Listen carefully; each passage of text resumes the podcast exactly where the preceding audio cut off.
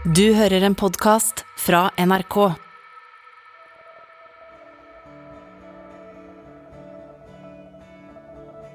Det er våren 2014. Rustam Louis Foss er 25, snart 26. Arbeidet med filmen om livet hans er skrinlagt. Han har hatt sitt første møte med psykiatrien og flytta tilbake til Drammen. Men uten at noen veit det, så har han søkt på Teaterhøgskolen. Bachelor i skuespillerfag heter utdannelsen egentlig, og den sorterer under Kunsthøgskolen i Oslo, eller KIO som folk gjerne sier. Den tre år lange Teaterhøgskolen er et av de vanskeligste studiene å komme inn på i Norge. Linja hadde i 2014 bare åtte plasser, og det var 650 søkere. 120 av dem gikk videre til andre prøve, og Rustam var en av dem. Og bare 30 gikk videre til tredje prøve, og Rustam var en av dem også.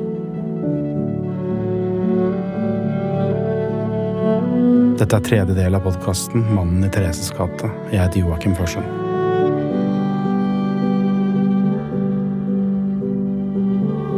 Jeg husker veldig godt første gang jeg så Rustam.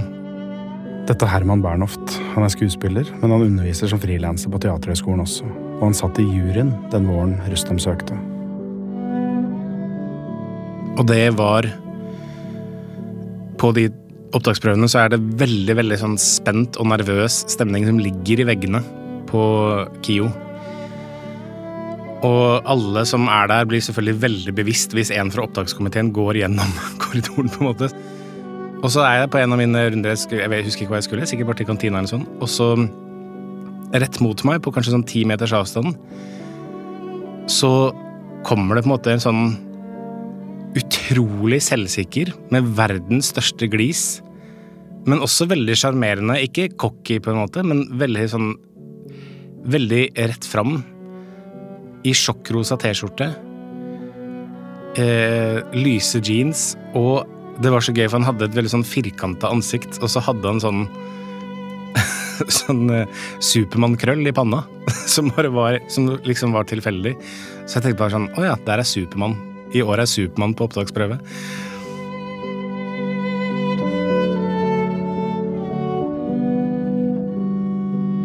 Den tredje prøven på Teaterhøgskolen foregår over to uker og er mye mer omfattende enn de to første. Søkerne må gjennom oppgaver i mange kategorier. Det er manusarbeid, det er sang og improvisasjon. Og de møter juryen til personlige samtaler. Det som var min opplevelse, var at det var, eh, det var noe veldig, veldig ekstraordinært med Rustam som skuespiller. Hvordan da? Rustam hadde liksom evnen til å jeg vet ikke, transformere hele rommet. Altså, det var liksom flytte tid og rom. At det, man sitter der med en veldig sterk en sånn sanselig opplevelse av å se på et menneske på en scene. Visste du da at han kom med en annen type bagasje eller historie enn de fleste gjorde? Jeg visste ingenting om bakgrunnen hans før han fortalte om det på intervju. Og da sitter vi på stoler i ring egentlig, og inviterer kandidatene inn én og én for å ha en samtale. Men da er det helt sånn eh, Kan du fortelle litt om deg selv? Type spørsmål. Og så fortalte Rustam hvordan han egentlig var fra Tsjetsjenia. Det jeg på en måte husker veldig godt at han sa, var at familien hans ville sende både han og broren til Norge. Og så hadde de bare råd til å sende én, og så valgte de han. Og da måtte vi bare ta en liten pause etterpå, altså hele opptakskomiteen, etter at han hadde gått ut, for det var så heavy å høre. Men for meg var det ganske åpenbart at han skulle inn. I Rustams tilfelle så var det ikke noen tvil. Og det var ikke fordi han var så god som man kanskje tenker at man må være for å komme inn på Teaterhøgskolen. Det var bare fordi han var ekstraordinær.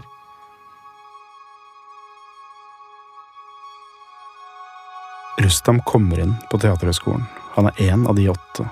Han har ikke videregående, han har aldri holdt på en jobb i mer enn to måneder, og antagelig er han mer på rullebladet sitt enn noen annen søker har hatt før ham. Men han kommer inn. Jeg reist til Stavanger og går oppover bakkene mot Rogaland teater. Et staselig bygg fra 1880-tallet med søyler og ornamenter og bua vinduer. Øverst i bakken står en høy, slank mann med rød sekk og blå caps. Han strekker ut hånda og sier velkommen til Stavanger. Tusen takk.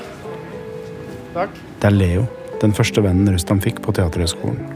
Han legger et nøkkelkort mot ei bakdør og taster koden sin. Vi går gjennom de smale korridorene bak scenen, forbi stabler med møbler og rekvisitter, og videre gjennom åpne saler med scenetepper hengende fra taket.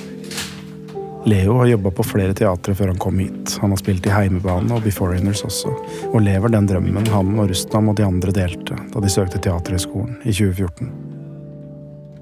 Kan du fortelle om da du fikk, altså omstendighetene rundt da du fikk vite at du hadde kommet inn? Jeg var en av de som var eh, på skolen for å se at denne lista ble, ble hengt opp. da. For da er det sånn eh, Klokka to så kommer det en fra administrasjonen ned med et A4-ark. Og der står det åtte navn. Og den henges opp på en sånn korktavle. Og da står det de kandidatene da, som har fått tilbud om plass.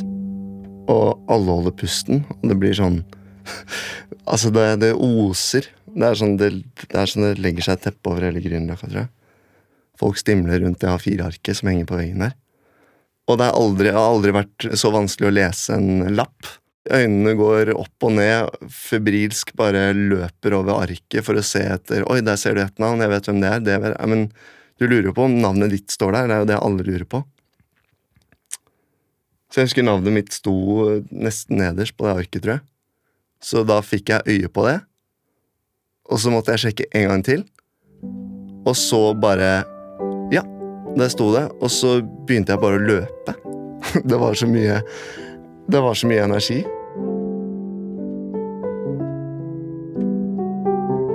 Line, Rustams klassevenninne fra NSKI, som vi møtte i forrige episode, søkte ikke Teaterhøgskolen det året.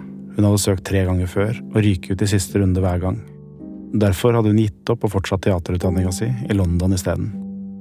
Og så satt jeg på en restaurant, og så måtte, komme på at shit, nå er det opptak på KIO, på Teaterhøgskolen, og jeg har selv vært inne der tre år på rad og nesten kommet inn, så jeg vet så godt hvem som søker, og jeg kjenner igjen de samme navnene på de som er inne der på den tredje prøven.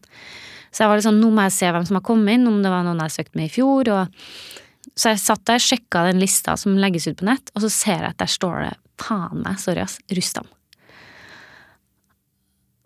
Og jeg, jeg fikk sånn sjokk, men sånn, jeg, jeg, jeg, ble helt sånn Og da satt jeg med min, min ekskjæreste som var engelsk, og han visste ikke hva jeg holdt på med.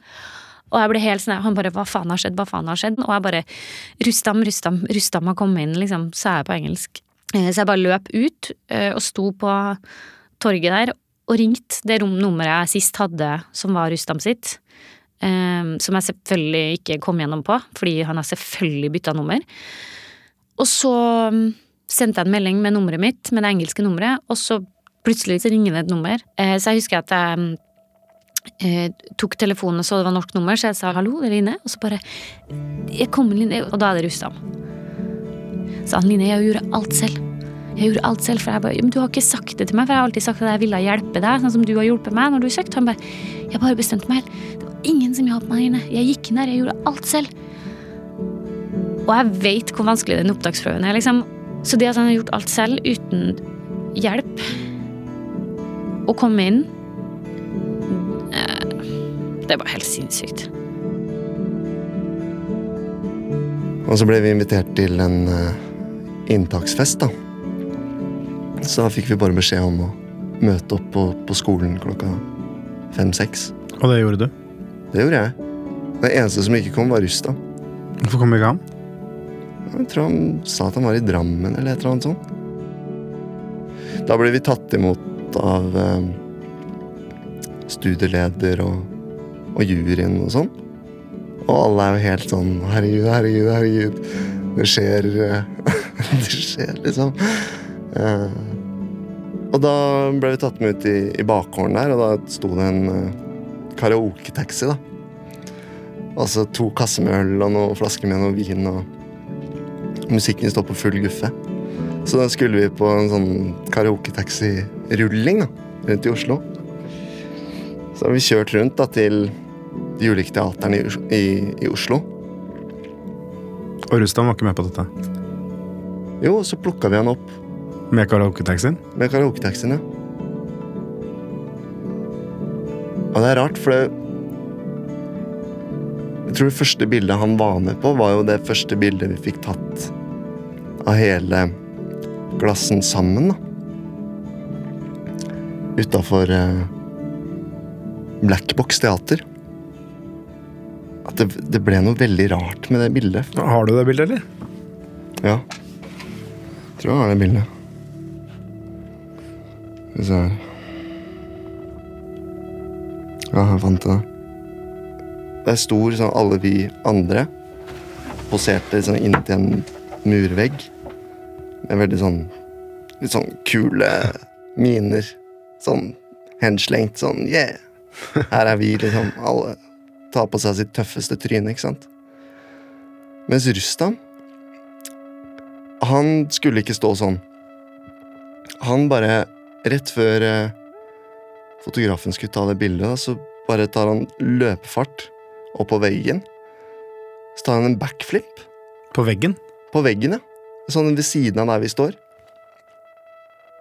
Han henger liksom opp ned, halvveis opp ned, i Midt i en sånn baklengs salto.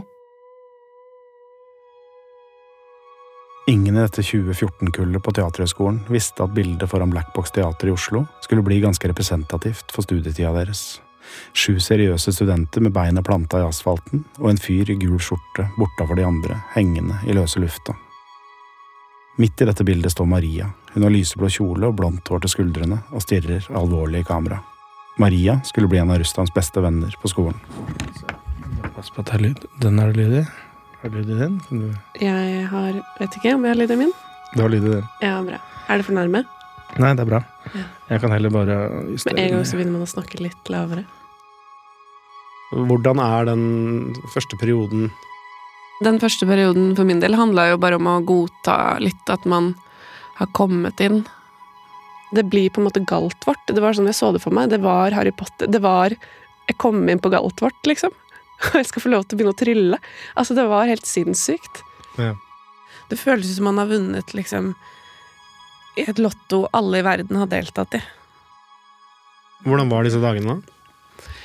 I starten så var det jo Vi hadde, vi hadde stemmefag, og vi hadde bevegelsesfag, og så har du da hovedfaget, da, som er eh, I starten er etyde. Som er da en Du egentlig lærer å spille med imaginære objekter.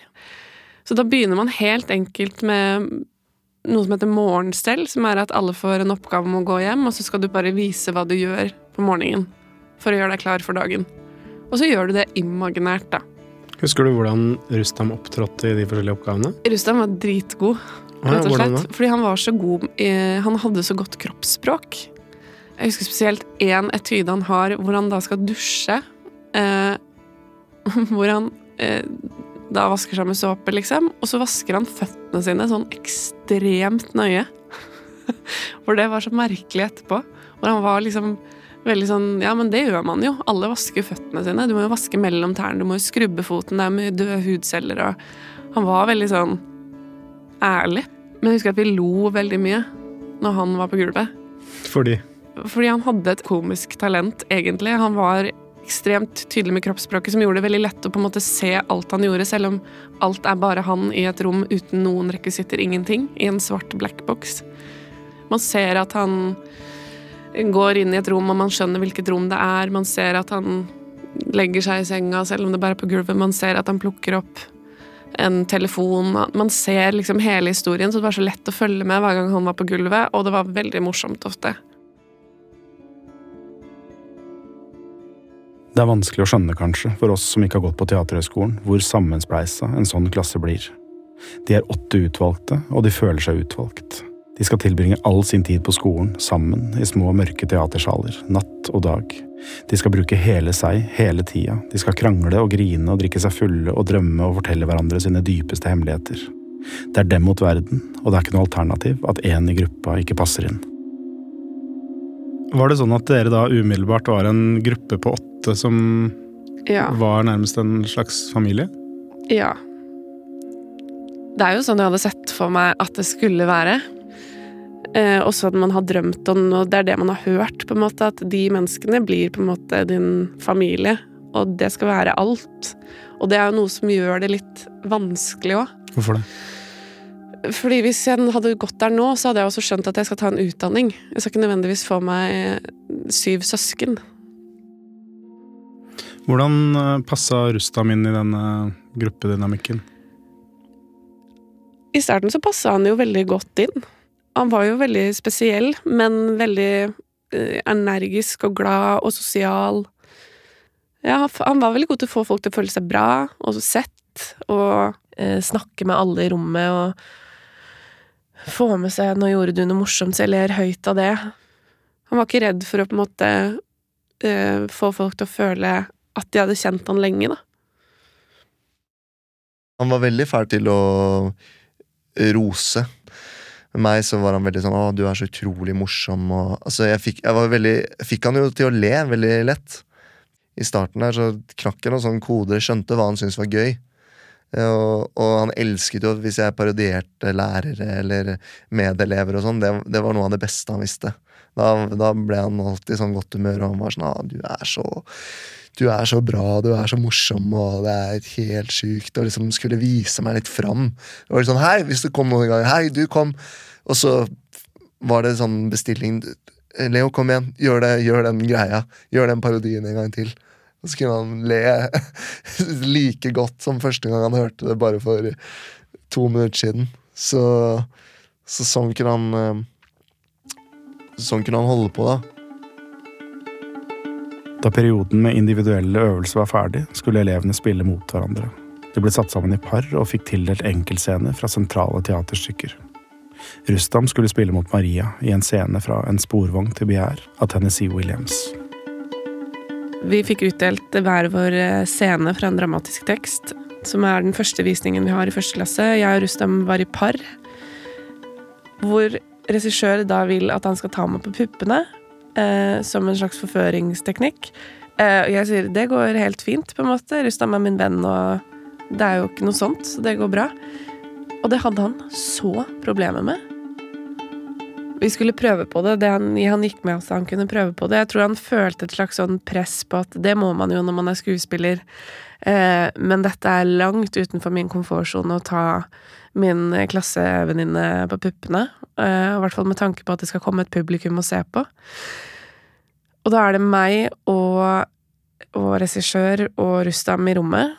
Eh, og jeg eh, steller meg liksom opp, og vi har dialogen, og så kommer det til det punktet hvor han skal eh, da ta på meg. Eh, og det gjør han veldig fort og brutalt. og så stopper regissør og sier sånn Men Rustam, du skal jo forføre henne. Du må jo Du er, må være litt mildere enn det. Det ser jo på en måte bare ut som du har det vondt. Du må jo ville det. Eh, og da husker jeg han tok seg liksom i ansiktet og sier nei, nei, det går ikke. Og det er så fælt, vi kan ikke gjøre det. Og tenk at pappaen din kommer og ser på, du har sagt at pappaen din skal se på, vi kan ikke gjøre det. Får sånn, Men det er jo teater. Det er jo scenen, det står i manus, og det går bra for meg, men skal vi bare drite i det? Nei, det kunne vi heller ikke gjøre, fordi han måtte jo gjennomføre det. Og det ender jo med at det At det er så vidt han tar, på en måte. Det er bare en sånn lett stryk. Vi tok applaus, og så går vi av og er letta for at vi er ferdig, eh, og at det gikk noenlunde greit. Jeg husker at jeg sto og snakka med mamma og pappa og få klem og skryt, og de er stolte, og det var gøy å se klassen. og Så kommer Rustam veldig sånn brått inn i den lille trekløveren eh, og ser bare på pappa. Og vil få fram at eh, han, han beklager at han har, eh, har vært så slem med datteren hans. Hva sa faren din da? Pappa ble litt eh, satt ut, tror jeg. Eh, drar sikkert en vits om at det Nei, nei, det var jo på scenen, og det er sånn, det er akkurat sånn det skal være på scenen. Og hvor liksom, liksom ikke slipper helt blikket og fortsetter å se på henne og er sånn, ja, ja, men, men eh, jeg er ikke sånn, og egentlig er jeg veldig hyggelig og heter Rustam, og jeg er veldig glad i Maria, og vi er veldig glad i hverandre her, og var veldig redd, tror jeg, for at pappa skulle tenke noe dårlig om han.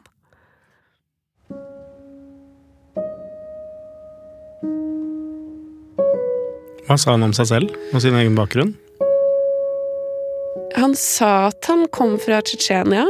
Han fortalte en gang at han hadde solgt dop for familien sin fra han var veldig, veldig ung. Han fortalte at faren hans ble skutt. Og hvis jeg ikke husker feil, at han ble skutt hjemme mens Russland var der. Eh, Og at de var veldig fattige, men at han drev med bryting som en hobby. Han hadde alltid drømt om å bli skuespiller, etter at han så Titanic, tror jeg. at han hadde kommet med tanta si, at han hadde vokst opp eh, på asylmottak. Og så ble han sendt til Drammen, og det er der han også møter eh, de han kalte for fosterfamilien sin, da. Rustam fortalte disse historiene hele tida, seint på kvelden gjerne, når både han og de som hørte på, var fulle. Innholdet varierte litt fra gang til gang, men stort sett handla de om krigen i Tsjetsjenia, om faren som ble skutt, om kriminalitet og om flukt. Og Rustam var full ganske ofte. En natt i begynnelsen av september, da han hadde gått på skolen i tre uker, kom han gående oppover forbi Bislett stadion. Han kom i prat med noen folk som sto utafor en pub nederst i Thereses gate, og snart ble praten krangel, og krangelen ble fysisk. Noen ringte politiet, og en bil med tre betjente kom. De ba Rustam om å gå hjem og legge seg, men Rustam nekta. Betjentene prøvde å pågripe ham, men Rustam gjorde motstand, og snart kom en bil til med ytterligere tre politifolk, og nå var de seks mot én, og det ble for mange, selv for Rustam. Dagen etter ringte han til læreren sin på Teaterhøgskolen, Herman Bernhoft. Det var en dag Rustam da ikke kom på skolen, og så ringer han meg og sier at han er på sykehuset, og at han ikke kan komme, at han er veldig lei seg.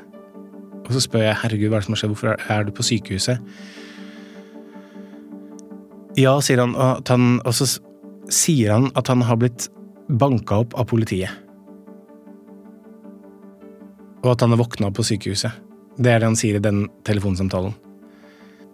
Og så bestemte vi oss for å dra og besøke ham på sykehuset. Og det gjorde vi, og det var han Det var ingen tvil om at han var banka opp. Det var liksom Han var både veldig medtatt, eh, hadde åpenbart store smerter, og blåmerker og Og jeg husker på en måte at jeg reagerte på at yes, ehm, Selvfølgelig var jo veldig støttende mot han. Eh, eh, klassen, som var på en måte liksom selvfølgelig hans brødre og søstre, var i harnisk, og de skulle lage forestilling om politivold, og det var liksom ikke Det var, det var på en måte ingen tvil om hvor sympatien lå, da. Men jeg husker at jeg på et eller annet tidspunkt den dagen fortalte til klassen, uten at Rustam var der, at det er veldig opprørende det som har skjedd, men jeg har aldri kjent noen som har blitt banka på politiet uten at det finnes noe som helst grunnlag for det. Rustam fortalte ikke hele historien der han lå forslått i sjukesenga. At han var full og rusa på kokain og amfetamin, og at han ble bedt om å gå hjem og legge seg, men nekta. Han skulle seinere bli dømt for vold mot offentlig tjenestemann etter denne episoden, og i tiltalen sto det at Rustam hadde en promille på 2,2 den natta i Thereses gate. Mistenkte du da at Rustam kunne ha et rusproblem? Nei, ikke nødvendigvis der og da, men det tok ikke så lang tid før jeg oppdaget det. Det var vel på slutten da av denne grunntreningsperioden. Eh, Da vi var ferdig med den, så inviterte jeg klassen på middag hjemme hos meg sjøl. Og de kom på middag. Eh, og den Rustam som kom da, det, det var en ganske annen Rustam enn den studenten jeg hadde hatt i klasserommet, på en måte. Hva mener du med det? At det er akkurat som han overhodet ikke lytter. Ble en utrolig dominant figur i rommet. Eh, krevde at alle andre var stille, så han kunne snakke mye og lenge om sine ting. Og han, han krevde at, liksom, at andre i klassen skulle gjøre liksom, sine imitasjoner av lærere, og at det var vel sånn 'Se på dette, se på dette nå, Herman'. Og liksom hadde veldig behov for å styre. Og jeg merket på de andre at de også syntes det var veldig ubehagelig. At han øh, Både at han var så dominerende, og at han var så uforutsigbar, rett og slett. Og så husker jeg at jeg spurte etter at han hadde dratt, så spurte jeg jo liksom hva i all verden skjedde nå? Og da fikk jeg jo på en måte til svar at nei, det Det var sånn det ble når det var eh, alkohol eller, eh, eller rusmidler da i bildet. Og da, for meg var det veldig åpenbart at det, dette var ikke et enkelttilfelle. Dette tenker jeg liksom, dette er fredagsrustan.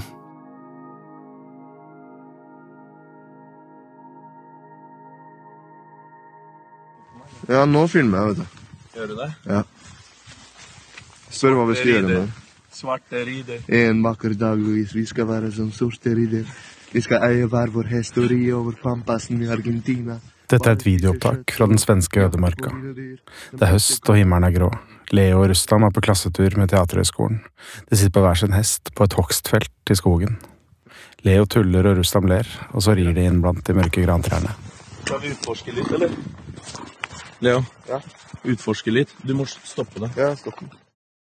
Det var jo veldig sosialt. ikke sant? Vi lagde mat, og det var en veldig sånn hyggelig tur. Og holdt på ute på gårdsplassen der med de der hestene. Og, og da husker jeg at eh, jeg og Rustam dro på en sånn ridetur. da. Bare jeg og han. Jeg tok med oss et par av de hestene. Eh, skulle ri litt eh, i skogen på egen hånd. Og så tok vi det ganske sånn rolig i starten. og ja, så rei mellom noen trær og liksom, ah, snakka om hvor gøy det var. Og følte oss litt sånn cowboyer ute i, ute i villmarka der. Og jeg har ridd en del fra jeg var liten og ganske sånn godt vant med hest. da. Så på veien tilbake så, så hadde jeg lyst til å kjøre på litt. da. Få de hestene til å løpe fra seg litt. Jeg pusha hesten min litt da, og liksom fikk den opp i galopp. Og så husker jeg Rustam rei bak meg, da, litt bak. Så vi fikk litt sånn skikkelig fart da, på den grusveien der. Så plutselig så ble hesten min bare møkk lei. Så jeg bare ble kasta rett av. Altså, den stupte framover, og jeg føyk over hesten. Sånn rulla over, tok en salto og landa rett på ryggen i veikanten. Og det var altså Det så sikkert jævlig dumt ut, men jeg husker Rustam. Han lo så hardt og så lenge. Han, han sleit med å holde seg på sin egen hest. Han fikk liksom totalt latterkrampe. Og jeg lå der fortumla på bakken og ah, hadde dritvondt i ryggen og skjønte ikke hva som skjedde, og den hesten bare løp av gårde. Altså, jeg lo jo litt av det, jeg òg, men da fikk han sånn total latterkrampe som bare varte og varte og varte og varte. og varte. Det syntes han var gøy. Da vi skulle sove, så sov vi i et sånn um, anneks. da. Et sånn, ikke i hovedhuset, men i et annet hus der vi spiste middag og sånn. Og så var det en sånn hems der da vi skulle sove. Vi gutta da, skulle sove der. Og så skulle jentene sove inne i hovedhuset. Han begynte å, snakke om at han var så redd for sånn ånder og spøkelser og sånn. At han ikke følte seg trygg. Han insisterte på å, å sove med kniv. Oi. Ikke som han hadde med seg, men jeg tror det var noe han fant på gården der. liksom. Så han, eh, han insisterte på det, at han skulle sove med den. Han skulle ha den kniven liksom tett innpå seg. Jeg husker jeg og en annen vi, vi reagerte litt på det og sa sånn Du, men hallo, du, du, du trenger ikke det. Vi er fire stykker her. Vi, hvorfor skal du ligge og sove med kniv? Han ville liksom ikke gi seg på det. og Han begynte å styre med sånn tau og stoler. Altså han begynte liksom å binde dører sammen. Som surra tau rundt og satte stol... Altså sånn barrikaderte, liksom. Så etter hvert så tenkte jeg sånn du, du får bare Hvis du syns det er sånn, så bare sover du i hovedhuset sammen med han læreren, og så bare sover vi her. Det går greit. Så da ble det sånn, da. Så han gikk inn til læreren. Ja. Det kanskje kjentes litt tryggere. Fortsatte denne litt uh, unormale oppførselen? Rakk vel egentlig ikke å tenke så veldig mye over det da. Eller da ble det mer sånn vanlig skolehverdag, da. Og så, etter ja, ca. åtte uker på skolen, så skulle jeg feire bursdag. Og så hadde jeg stor fest og inviterte altfor mye folk. Klassen og folk fra skolen, og så private venner og, og sånn, da. Inni en leilighet på Ja, fellesarealet var vel ikke sånn veldig stort. Det var høyt under taket, men kanskje sånn 20 kvadratmeter eller eh, litt mer enn det. Jeg husker Rustam kom på den festen, og han var ganske mm, Han var ganske Ja, hva skal jeg si? Veldig sånn oppspilt, da. Gira og sånn. Husker han dansa på det på det dansegulvet der og Og klarte det kunststykket å ta en eh, Ikke bare én, men mange backflips på en sånn liten søyle på den ene siden av kjøkkenet. Ved å liksom løpe, eller ta et sånn kort avspark inn i veggen, og så flippe seg bakover og breaka og holdt på, da. På det gulvet. Og det er jo Det er jo veldig gøy, så det ble jo veldig sånn wow. Veldig sånn stemning av det. Men så dro han, og festen varte og rakk. Og så Så husker jeg bare at jeg våkna lørdagen etter. Helt sånn skikkelig bakfull vondt i hodet. Du våkna bare at han sto og prata inne på soverommet mitt. Altså på, om morgenen? Om morgenen. Klokka var sånn ti eller noe på formiddagen. Bygården hadde to dører, på en måte én hoveddør og så én dør til oppgangen vår. Så jeg vet ikke hvordan han har kommet seg inn. Han- kan godt hende at uh, han bare ringte på alle etasjene til noen åpna. Og jeg var ikke alene, jeg hadde besøk. Eh, så vi var to på mitt soverom. Og der sto han og sto og prata. Om hva? Nei, Det fikk jeg ikke helt greie på først, for jeg sov. Så jeg trodde først at det var en drøm. Og så Og så sa jeg 'Å, jøss, han står her. Hva, hva gjør du her?' Men jeg husker bare at han skulle ha sigaretter. Han skulle ha sigg. Om jeg hadde noe.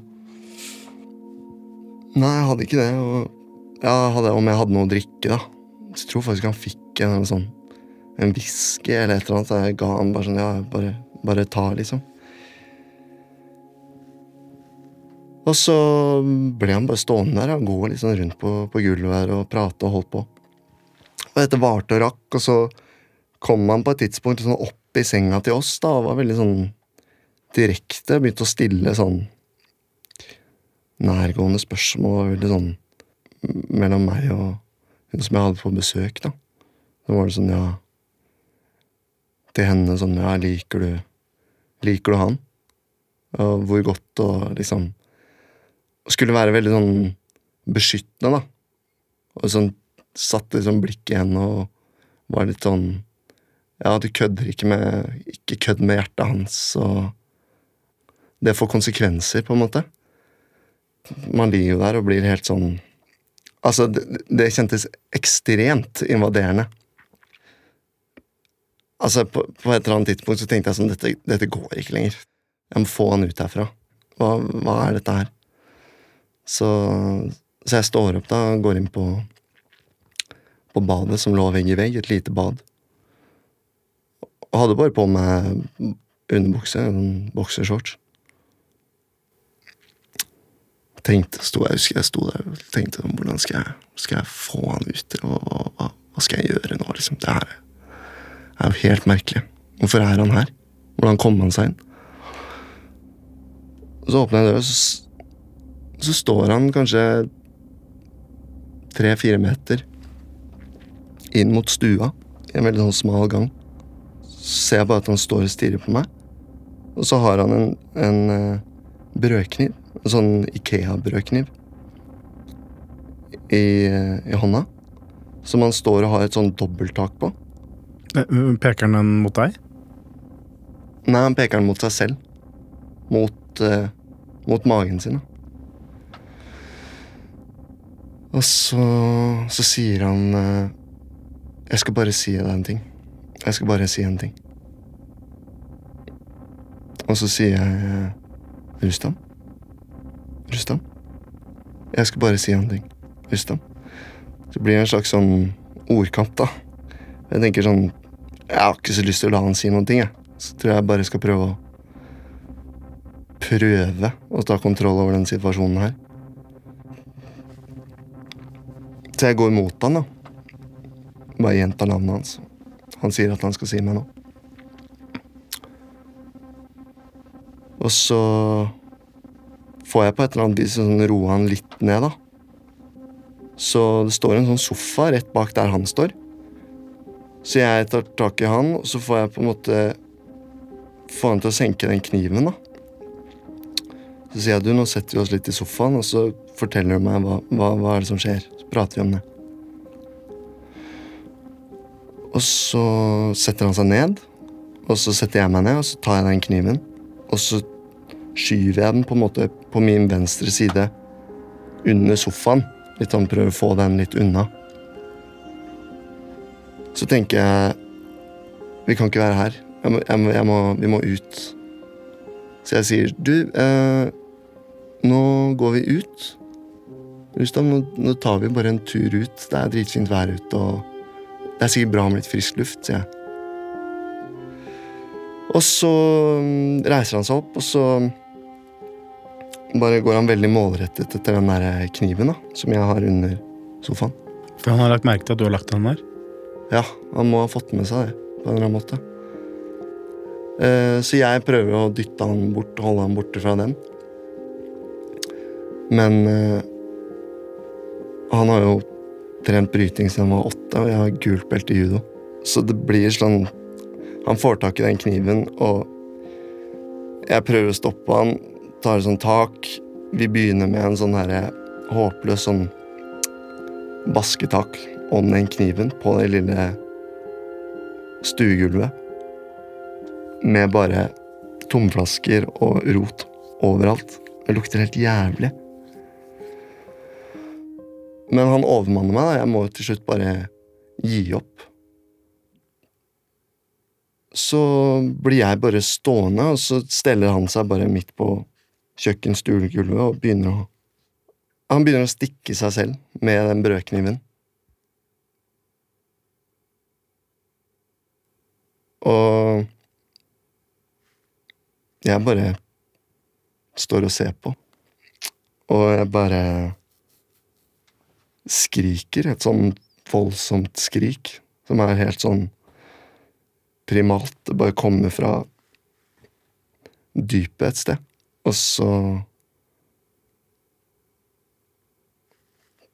står jeg bare og skriker, mens han står og, og stikker seg selv, da.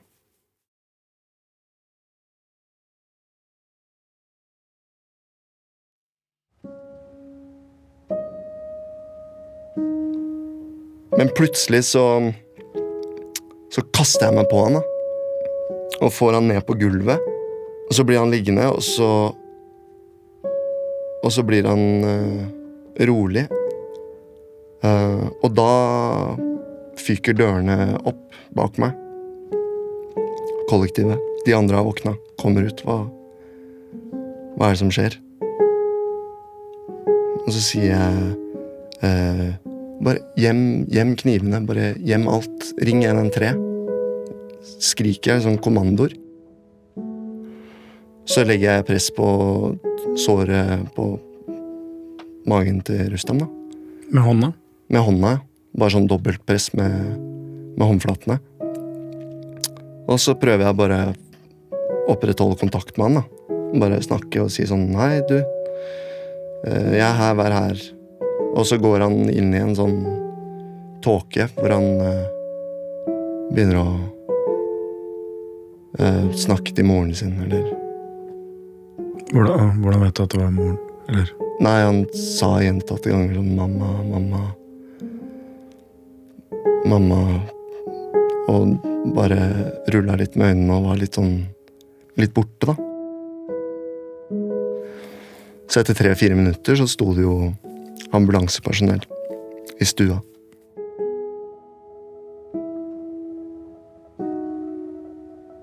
Leo hjelper ambulansepersonalet med å få rustet ham over på ei båre. De bærer ham ut av leiligheten, og nede i trappa kommer kommandopolitiet løpende med våpen og hjelmer og skjold. Leo og ambulansefolka bærer båra videre, ned gjennom oppgangen og ut på Olaf Ryes plass. Og så står jeg der, og så Da kom det folk trillende med med barnevogner og, og ga meg ganske lange blikk, da, for jeg, jeg sto der i bokseren med sånn blod på henda og på meg selv, og Og skjønte ikke helt hva som hadde skjedd.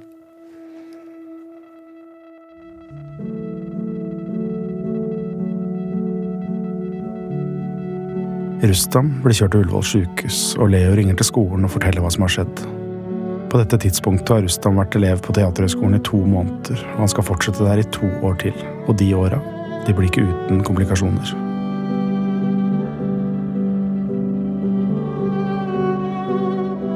Dette var tredje del av historien om Rustam Louis Foss, mannen som døde en morgen i Thereses gate i fjor, etter å ha blitt skutt av politiet. Denne podkasten er produsert av Gyldendal for NRK og er laga av Ragnhild Fangel Jamtveit og meg, Joakim Førsund. Mina Martine Lystad har gjort research, og all musikk er skrevet og spilt av Ola Kvernberg. Lydmiksen er gjort av Marius Ytterdal. Eksekutiv produsent i Gyldendal er Harald Ofstad Fogner. Redaktør i NRK er Mirja Minyares. Hvis du har behov for noen å snakke med om mental helse, ring 116 123.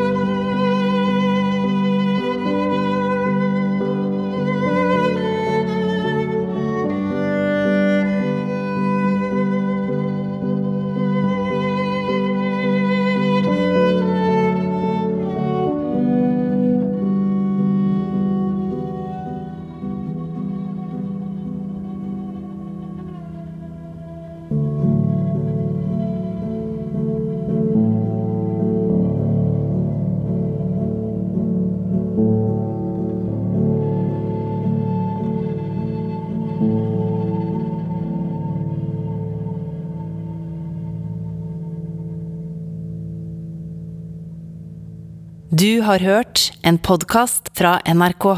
De nyeste episodene hører du først i appen NRK Radio.